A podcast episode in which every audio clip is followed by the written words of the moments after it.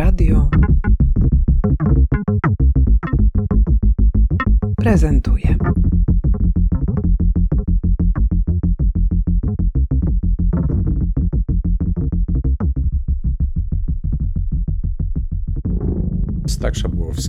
Kurator wystawy Kornela Janczego. Wystawa nazywa się Wspaniała atmosfera. Wystawa wędruje. Po sukcesie ekspozycji tarnowskiej apetyt na to, żeby jeszcze móc gdzieś ją zobaczyć, podchwyciło rondo sztuki. Kornel Janczy jest bardzo interesującym artystą.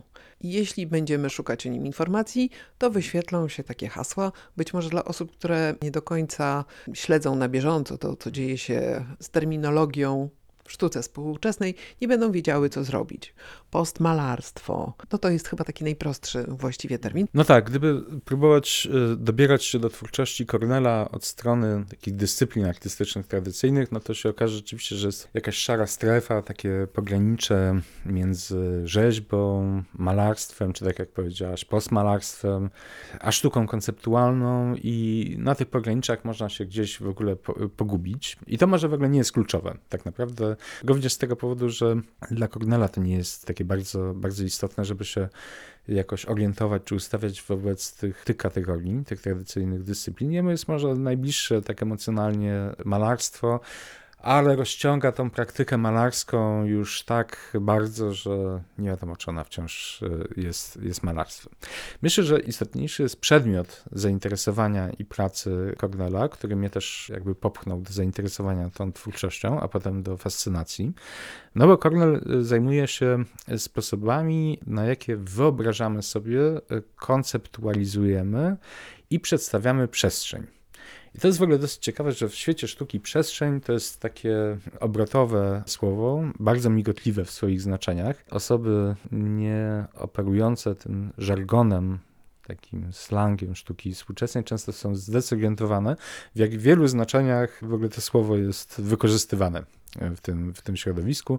To jest takie środowisko, które na przykład jak wchodzi do jakiegoś pomieszczenia czy sali wystawowej, to e, rzadko mówi o tym, że to jest jakaś sala czy pokój, to zawsze jest jakaś przestrzeń. I może w tym jest w ogóle coś patologicznego, w tym nadużywaniu tego słowa, intuicyjnie wszyscy to rozumieją. Natomiast Cornell urealnia ten namysł nad kategorią przestrzeni i okazuje się, że jednak ta kategoria już poza światem sztuki jest niesłychanie ważna. Być może jest, należy do kluczowych kategorii, które organizują potem różne inne sprawy systemy polityczne, gospodarcze, kwestie tożsamości, zwłaszcza w wymiarze narodowym, ale, ale nie tylko. No bo kwestia tego, jak tworzymy koncepty przestrzeni i jak to potem przedstawiamy, to jest problematyka tworzenia takich strategicznych modeli zarządzania rzeczywistością na różnych poziomach. No weźmy taki prosty przykład, ponieważ Cornell w tych swoich namysłach nad obrazowaniem przestrzeni nieuchronnie musi wejść na terytorium kartografii.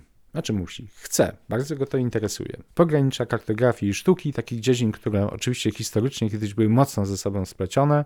Potem w, w takim w zaraniu nowoczesności, kiedy cywilizacja zachodnia wykonywała ciężką pracę nad posegregowaniem i oddzieleniem od siebie różnych dziedzin, kartografia od sztuki została ściślej oddzielona. Już było wiadomo, że kartografia to jest jednak dziedzina bliższa nauki, sztuka z kolei pola symbolicznego i już rzadziej niż dawniej kartografowie byli zarazem artystami i vice versa. Niemniej ten związek nigdy nie został do końca zerwany, no bo sam, sam pomysł, że jakieś realne miejsce z całą jego aurą, historią, zasobami kryjącymi się gdzieś pod powierzchnią ziemi, powietrzem, które jest nad tym, na przykład chcemy przedstawić na kartce papieru i powiedzmy ta kartka ma objąć obszar liczący 7000 km w każdą stronę, no to jest ewidentnie zadanie dla artysty lub artystki konceptualnej par excellence, prawda? Bo trzeba bardzo sprytnego konceptu, żeby w ogóle dało się negocjować takie coś jak na przykład łąka i jej mapa narysowana na kartce papieru. Zatem chciałem umieścić Cornela e, na pograniczu świata kartografii, na pograniczu świata sztuki. I e, skoro mówimy o kartografii, to możemy na przykład przywołać sobie taki moment, XVI wiek, mapy już w bardziej współczesnym rzucie uwzględniającym okrągły kształt Ziemi. Są pewne niedokładności, ale na, na bazie takich map da się daleko żeglować i bez takiej mapy na przykład niemożliwe byłoby przedsięwzięcie kolonizacji niemalże całego świata koordynowane e, z Europy. I okazuje się, no bardzo prosty przykład, ale że taka mapa jest narzędziem władzy, władzy nad światem. Kto ma taką mapę, wie gdzie co jest, powoli wypełnia sobie te białe plamy, ten może sięgnąć literalnie po taki bondowski topos. Czarny charakter, który domaga się władzy nad światem po prostu. Musi mieć mapę, nie? I tak się złożyło, że my tą wystawę w Tarnowie robiliśmy w takim, no może nie zenicie realnym, ale na pewno emocjonalnym kryzysu, kryzysu na wschodniej granicy Polski.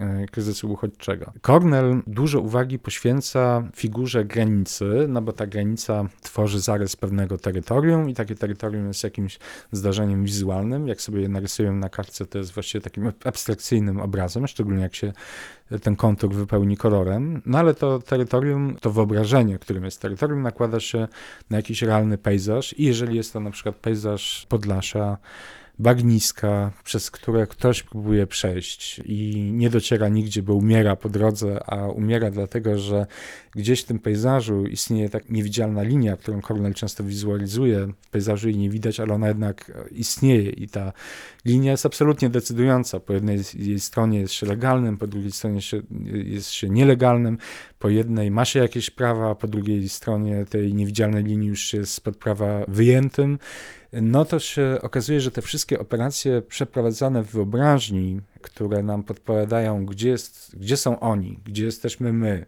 który kolor należy do nas, który należy do nich, no że to są z jednej strony operacje abstrakcyjne i estetyczne, bo one mają swoją bardzo silną wizualną reprezentację, mocno splatającą się ze sztuką, a z drugiej strony są totalnie nieabstrakcyjne i są realne, często w absolutnie przerażający sposób. To, w jaki mhm. sposób mm. urządziliście wystawę, mm. to jest praca nie tylko na ideach, ale przede wszystkim na tych obiektach, które Cornell tworzy. Hmm. Powiedz trochę więcej o samym koncepcie ekspozycji. Z Cornelem Janczym jest tak, że on w tych swoich fascynacjach przestrzenią, zainteresowaniu również kartografią i tym, jak można jej różne narzędzia wykorzystać na obszarze sztuki, często w taki nieortodoksyjny sposób, przez całe lata zrobił mnóstwo prac w różny sposób i w różnych skalach modelujących przestrzeń. I czasami to były prace zakrojone w sensie wyobrażeniowym na skalę kosmiczną, bo na przykład Cornell robił modele planet, Słońce modelował w różnych materiałach, wielokrotnie zrobił tych słońc mnóstwo. Czasami były to makiety obrazujące takie małe wycinki pejzażu, na przykład place, place budowy. Kiedy indziej była to góra, pasmo górskie, jezioro cały kraj w formie jakiejś prostej, abstrakcyjnej pracy. Mnóstwo rozmaitych artefaktów wykonanych takimi metodami ze świata makieciarstwa, również architektonicznego. No wiadomo, że to są narzędzia do pokazywania przestrzeni w małej skali, do tworzenia modeli. Z drugiej strony pracuje z taką tradycją abstrakcyjnej rzeźby modernistycznej. Z trzeciej jeszcze lubi używać takich środków DIY, prostych, tanich materiałów do modelowania czegoś, co często ma taki oddech i ogromną skalę, kiedy użyjemy do tego wyobraźni, na przykład no, no, wyobraźmy sobie, że mamy kawałek kartonu i chcemy z niego zrobić kometę, tak? Albo albo powiedzmy samo powietrze o zachodzie słońca, które wypełnia przestrzeń między ogromnymi, skalistymi górami w jakimś spektakularnym paśmie górskim. Mamy tam oczywiście te góry, ale oprócz gór jest też powietrze i kiedy nadchodzi zachód słońca, to powietrze mieni się różnymi kolorami i Cornell na przykład może na ten temat i rzeczywiście zrobił pracę. I żeby jakby było jeszcze bardziej uroczo, używa do tego, choć mówimy o czymś no, takim bardzo poetyckim i niematerialnym i, i monumentalnym i wzniosłym jednocześnie, używa do tego bardzo prostych materiałów, czy na przykład papieru, kartonu, sklejki.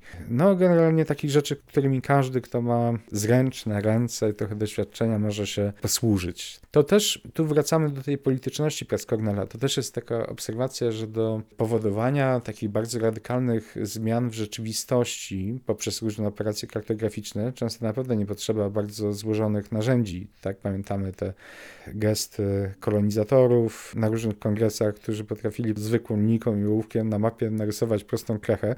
I to była ciągnąca się 2000 km granica, z którą wszyscy się męczą do dziś dnia, chociaż zdarzyło się to 130 lat temu. I wystarczył, nie wiem, ołówek i krótka linijka, żeby podzielić świat, no i spowodować w ogóle mnóstwo różnych, różnych konsekwencji. Więc Cornell też stoi na tym stanowisku, że rzecz nie jest skomplikowanych technologiach, kiedy wyobrażamy sobie przestrzeń, tylko, tylko raczej takiej relacji ludzkiego umysłu, ludzkiej tożsamości i ideologii do realnych miejsc. Ponieważ tych prac na przestrzeni lat powstało bardzo dużo na najróżniejsze tematy. Była praca na przykład na temat willi dyktatora, takiej zupełnie uniwersalnej, nie konkretnego dyktatora. Było mnóstwo zachodów słońca. Było, e, ponieważ Cornell pochodzi z Pthala, było dużo prac na temat gór, ich, ich wzniosłości i takiego ironicznego dialogu z tradycją romantyczną, którą Cornell, e, Cornell prowadzi. Było też dużo prac kosmicznych, astronomicznych. Te wszystkie prace miały jeden wspólny mianownik, to znaczy wszystkie powstawały w bardzo odmiennych skalach. Czyli wspólny mianownik polegał na tym, że nie było wspólnego mianownika na poziomie skali. Inaczej mówiąc, jak to w kartografii, planeta mogła być mniejsza od willi dyktatora, powiedzmy, czy jakiegoś placu budowy, takiego współczesnego domku jednorodzinnego polskiego, bo Kornela też interesowały takie, takie fenomeny e, kulturowe w, gdzieś wgryzające się w pejzaż. Powierzchnie z kostki Bauma, taka oddolnie projektowana współczesna architektura i tak. I nasz pomysł polegał na tym, żeby zbudować e, świat. Ca cały świat. Po prostu zrobić wystawę jako, jako świat i wypełnić ten świat rozmaitymi artefaktami o charakterze takim parakartograficznym, o których wiedzieliśmy, że interesujący moment tej wystawy będzie polegał właśnie na niespójności skali. Czyli postanowiliśmy pogwałcić takie fundamentalne prawo kartografii, że na jednej mapie rzeczy muszą być w synchronizowanej skali ze sobą, inaczej, inaczej mapa nie działa. My nie chcieliśmy, żeby nasza mapa działała na takim poziomie pragmatycznym, na jakim działają mapy tworzone przez zawodowych kartografów, które mają gdzieś tam nas doprowadzić dokądś albo zorganizować jakieś terytorium. My chcieliśmy organizować wyobrażenia i ta niespójność skali nam bardzo sprzyjała. No bo jest przecież tak, że często, jeżeli jesteśmy osobami lubiącymi budować sobie domki na kupionych za ciężkie pieniądze działkach, no to ten domek oczywiście e, istnieje w, w naszym świecie w skali nieporównanie większej niż na przykład sąsiednie państwo, w którym trwa kryzys humanitarny i dzieją się straszne rzeczy, mimo tego, że tamto jest obiektywnie rzecz biorąc większe w sensie realnym, no i może ważniejsze też w sensie humanistycznym, no ale jednak ten budowa domu też zajmująca ta sprawa. Trochę ten relatywizm chcieliśmy oddać w tej wystawie, że komety, polityka, kwestia pejzażu jako terytorium politycznego, jako takiego gruntu, na którym kiełkuje narodowa tożsamość przywiązana do pewnego terytorium, nakłada się na kwestię przestrzeni pejzażu jako, jako towaru, czyli jako czegoś, co się wycenia, co nagle jest przedmiotem czegoś posiadania i wymiany albo akumulacji. Dwa różne systemy, ale istniejące przecież w tych samych miejscach i w skalach, które trudno ze sobą porównać. A na to wszystko nakłada się wymiar ekologiczny, bo ktoś e, patrząc na przestrzeń widzi po prostu zbiór działek, których wartość może rosnąć i które są lokatą kapitału. Ktoś inny widzi jednocześnie swoją ukochaną ojczyznę, na widok której i, inkrustujących ją jakiś wierzb czy strumyków płacze jak bubr ze wzruszenia, widząc te ukochane, e, ukochane łąki, a ktoś inny w tym samym miejscu widzi ekosystem, który wymaga, który wymaga ochrony albo który funkcjonuje pod rosnącą presją rozmaitych antropogenicznych czynników, które funkcjonowanie tego systemu coraz bardziej zaburzają. No i to się wszystko dzieje jakby w jednym miejscu, tak jak my zrobiliśmy w Tarnowie, to znaczy my tam zrobiliśmy po prostu coś w rodzaju płaskiej ziemi. Pomyśleliśmy, że jesteśmy w takich czasach, w których metafora płaskiej ziemi jest w ogóle bardzo nośna. Ona też jest intuicyjna, szczególnie jak się mieszka w Polsce środkowej, na przykład na Mazowszu, wystarczy wyjść i zobaczyć, że jest płaska po prostu po, po horyzont.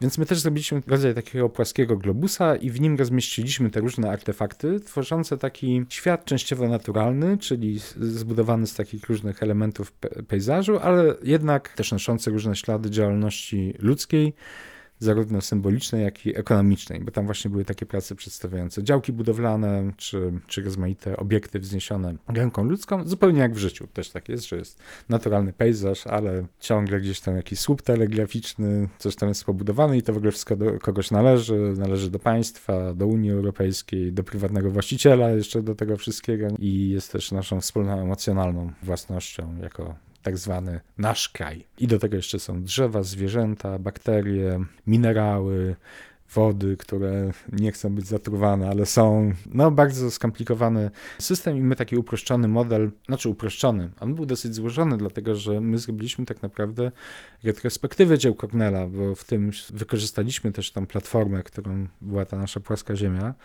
do pokazania kilkudziesięciu prac z ostatnich dziesięciu, dziesięciu lat. Więc w pewnym sensie ten system, który tam zbudowaliśmy, był dosyć złożony, no ale w porównaniu do prawdziwego świata, jak ta mapa, był jednak daleko idącym uproszczeniem. Jakby chcieliśmy zasygnalizować pewną możliwość i myślę, że publiczność, osoby, które oglądały wystawę, doskonale to czuły, że to jest system otwarty, że można by dokładać do niego kolejne prace, komplikować go, uszczegóławiać, rozszerzać i że to wyobrażenie przestrzeni nigdy się nie kończy, dlatego że ona jest jakąś płaszczyzną terytorium, ale też jest taką wielowymiarowością, o której mówiliśmy przed chwilą polityczną, ekologiczną, astronomiczną też, bo jeszcze to wszystko się dzieje w kosmosie i gdzieś wszystkie te terytoria lecą na jakieś kuli ze skały, nie wiadomo dokąd, w kosmicznej przestrzeni. Czy to oznacza, że Cornel Janczy jest artystą, który odwzorowuje świat? No właśnie, Cornel w gruncie rzeczy nie odzorowuje świata i te w ogóle wszystkie prace, które zrobił na przestrzeni 10 ostatnich lat, też łączy taka jedna cecha,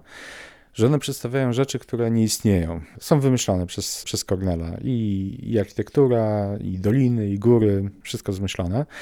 Cornel nie odzorowuje świata, tylko on raczej odzorowuje sposoby, w jaki odzorowujemy świat. Bardziej to go interesuje. Interesuje go też taki namysł, ponieważ ta jego praktyka i wystawa też podpowiada, że sposoby, w jaki odzorowujemy świat, mają daleko idące konsekwencje że to odzorowanie się dzieje tam na papierze, ale potem to się przekłada na różne realne sytuacje polityczne, ekonomiczne, ekologiczne, to Cornela interesuje, kto tym rządzi, jak to jest zorganizowane, jakie to ma konsekwencje i czy można też, czy na przykład jednostka ma prawo i możliwości do manipulowania tym systemem, zmieniania skali, przejmowania tych, tych narzędzi. Trochę jest w tym coś z takiej kartograficznej partyzantki, tak? dlatego że oczywiście traktujemy te różne kartograficzne modele, których używam na co dzień jako obiektywne i uniwersalne, no ale nie jest tak nigdy do końca. Ktoś produkuje, one są użyteczne, więc chętnie traktujemy je jako przezroczyste, no ale rzecz jasna takie, takie nie są. Zresztą wystarczy, no nie wiem, pojechać do Chin i spojrzeć na mapy wiszące na ścianach, one są inaczej zorientowane. To wiele zmienia. Czy nawet takie podstawowe rozróżnienia, płaska ziemia, okrągła ziemia. Koncept płaskiej ziemi podpowiadał skupienie się na rozwijaniu terytorium, na którym się już było i udoskonalaniu go. Koncept okrągłej ziemi podpowiada inne zachowanie, tak, że można się gdzieś wybrać, opłynąć to, to dookoła, być bardziej ekspansywny. Więc y, Cornela interesują takie styki odzorowań i rzeczywistości, a nie tyle ukazywanie świata w jego różnych skądinąd być może ciekawych przejawach. On, on w sumie pracuje na tym, jak myślimy o przestrzeni, ale też jak przekładamy to myślenie na takie różne wizualne sposoby obrazowego myślenia. Chcecie namówić, żebyś powiedział parę słów o pracach Cornela jako obiektach sztuki. One są cross-gatunkowe i łączą wiele różnych dyscyplin. Ten moment, nazwijmy go estetyczny, Cornela bardzo interesuje, dlatego że on z tego całego swojego namysłu nad e, przestrzenią i kartografią no, wyciąga też takie fundamentalne artystyczne wnioski. Jeden jest taki, że cały ten taki konceptualno-graficzny wymiar kartografii, jak go drzemy z polityczności, z ekonomii, no jest niesłychanie atrakcyjny wizualnie. Drugi wniosek jest taki, że nawet symboliczne zapanowanie nad przestrzenią daje bardzo dużo przyjemności, której natura również jest artystyczna i to wie każdy, kto tworzy jakieś makiety. Jasne, że to nie jest realne panowanie, to jest panowanie w wyobraźni, ale ono jest bardzo przyjemne. A trzeci wniosek jest taki, że różne tradycje artystyczne, do których Cornell nawiązuje, takich jak malarstwo abstrakcyjne, ale z drugiej strony romantyzm y, w sztuce, że choć one same w sobie nie skupiały aż tak bardzo na kwestiach przestrzeni, to nawet nieświadomie dużo, dużo o nich mówią. W związku z tym w sensie tak czysto artystycznym, gdyby potraktować to, co robi Cornell w takich kategoriach formalistycznych, no to jest to taki niezwykle subtelny dialog z różnymi tradycjami artystycznymi naraz i w ogóle ta jego sztuka ma taki formalistyczny wymiar, bo zrealizowaliśmy jakby taką instalację złożoną z innych instalacji i prac. Tym była wspaniała atmosfera w Tarnowie i tym będzie również w Katowicach. Taką szkatułkową historią, jedną wielką rzeźbą zbudowaną mnóstwa innych rzeźb czy tych obiektów postmalarskich, to stwierdziliśmy, że być może miarą naszego powodzenia tego przedsięwzięcia jest to, że można tą wystawę potraktować w takich absolutnie formalistycznych, ideologicznych kategoriach jako czysto wizualne zdarzenie. Zbudowane z form, które zwykle są geometryczne i abstrakcyjne, i z koloru, i jest z tego taka kompozycja, którą można przypisać jakiemuś modernistycznemu artyście lub artystce sprzed tam, nie wiem, 60 lat, osobie, która by chciała zrobić takie autonomiczne dzieło sztuki, które będzie się posługiwać wyłącznie środkami wizualnymi, bryłą, kolorem, proporcją i kompozycją. I na tym poziomie to dzieło totalne Cornela totalnie się broniło i stwierdziliśmy, dobra, to jest, to jest konieczny punkt wyjścia, z którego możemy zacząć robić wycieczki na różne inne terytoria, do których docelowo byśmy chcieli wraz z odbiorcami, odbiorczynami e, się wybrać. Ale zacznijmy od plastyki. O, właśnie, bo to jest e, taka kategoria rzadziej używana, sztuki wizualne to już bardziej cool. W wypadku Hornela też ważna jest plastyka. To są sztuki, e, to są sztuki plastyczne. Materiały, kolor, też praca rękami, wszystko jest wykonane ręcznie. Nawet tu dodam, bo Cornell też jest takim szalonym trochę artystą. On w pewnym momencie zbudował taki, takie malutkie modele cegieł. Po prostu, ale takie naprawdę miniaturowe, które robił ręcznie z kartonu. One tam mają, no nie pamiętam, chyba poniżej pół centymetra i tam e, wśród prac Cornella jest taki taki dom, który ma kilkadziesiąt centymetrów podstawy. To jest taki dom, który można często spotkać w Polsce, taki w kształcie no, takiego kuba. W mniejszych miejscowościach jest dużo takich, takich kubicznych domów, dwie kondygnacje i Cornell chyba zrobił kilkadziesiąt tysięcy takich cegiełek. Wymurował jakby taki dom z tych papierowych małych, małych cegieł. To jest, to się wydaje szalone, może trochę obsesyjne, ale też niesłychanie przyjemne, dlatego że przyjemność też jest taką bardzo ważną dla Cornella kategorią. Zaglądam do książki, która zawiera jego pracę. Publikacja dwujęzyczna z Twoim wstępem i tekstami wielu znakomitych polskich kuratorów tak, ukazała pod tytułem Planeta. I rzeczywiście to wszystko, o czym Ty mówisz, to O. znaczy, o to jest ten dom? To jest ten dom. Widzisz, on ma to do siebie, że ma wprawdzie to okno, nie ma wejścia, on jest trochę taką figurą niemożliwą, niemniej to się nazywa inwestycja. Taki tytuł nosi ta, nosi ta praca, jest zrobiona w całości z tektury, ale i tak, mimo tego, że ona ma w podstawie 45 na 40 centymetrów tych cegiełek, każda z tych cegiełek jest zrobiona ręcznie przez Cornela, a potem jeszcze e, doszło do tego, do tego murowania. No szybko pracuje bardzo. Może jeszcze zobaczmy tę pracę. No to jest taka dosyć znana praca Cornela, Słońce w górach. Znana, bo ona była na wielu wystawach zbiorowych, też bardzo ją lubią, no bo ona jest urocza. To jest taka praca, e, która polega na usypaniu no, takiego kopca mąki na podłodze w galerii i w ten kopiec mąki jest wsadzona taka pomarańczowa, tania, plastikowa piłka. Trik polega na tym, że mimo tego, że się, że nie ukrywa tych materiałów, to jest od razu zdemaskowane, nie można się oprzeć e, sugestywności tego obrazu słońca pomarańczowego zachodzącego w ośnieżonych górach. E, Ja bym może zwrócił uwagę jeszcze wyżej, jak już tak sobie wertujemy tę książkę, na inną pracę, która też pokazuje taki sposób działania Cornela. Praca nazywa się Upadłe Państwo. O, ta, ona jest na początku. Jest tu. Tak. Tak. I I, to- ty napisałeś do niej tekst. Tak. I to jest, to jest taka instalacja Self Specific. Cornel ją powtarzał kilka razy, powtórzył ją też e, w Tarnowie. Ona zasadniczo polega na tym, że najpierw Cornel wylewa na podłogę w galerii kole z butelki, a tam czasami ta kola jest nawet dosłodzona, żeby była jeszcze słodsza. No i lepszą Ta, tak, i ta kola rozlewa się w taki losowy, losowy kształt. A potem chodzi o to też, żeby wcześniej tej galerii nie sprzątać. A potem dochodzi do zamiatania kurzu, takiego sprzątania galerii. I, no i na tej coli oczywiście osiada mnóstwo paprochów, kurzu, brudu, a potem to wszystko zastyga. I zastyga w taki kształt, który zawsze, ile razy by się nie powtarzało tej pracy, układa się w taki kształt, który przypomina po prostu kontur jakiegoś państwa. Państwa wypełnionego kurzem, czasami jakimiś drobnymi śmieciami. No i praca, tu wracamy do tytułu, jakby jest przygwożdżona, no właśnie, tym tytułem. Państwo, państwo upadłe, czyli ten koncept, w którym z jednej strony wciąż istnieją granice, ale w tych granicach zamknięty jest y, jakiegoś rodzaju chaos, nieład, nieporządek, a jednocześnie to, że tak naprawdę wewnątrz tych granic już nie ma państwa, nie unieważnia samych granic. To jest bardzo ciekawy fenomen współczesnej globalnej polityki. Mamy sporo takich, y, takich terytoriów. Zadziwiająca rzecz. Nie istnieją organizmy państwowe, a cały czas mają swoje granice.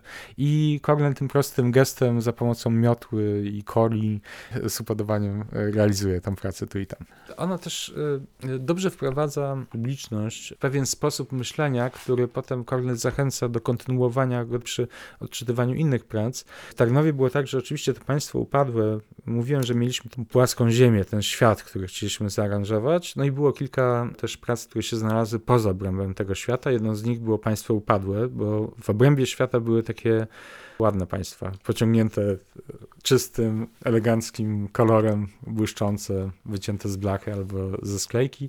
No to państwo już się nie załapało w obrębie świata, podobnie jak z drugiej strony niektóre astronomiczne obiekty, bo też poza tym obrębem była taka mała galaktyka, którą Cornell kiedyś wyciął z blachy, no jeszcze kilka innych rzeczy, takich kosmicznych. Tak, na koniec powiedz proszę, do kiedy będzie można oglądać tę wystawę w Katowicach? Wystawa będzie do końca miesiąca, czyli do końca marca.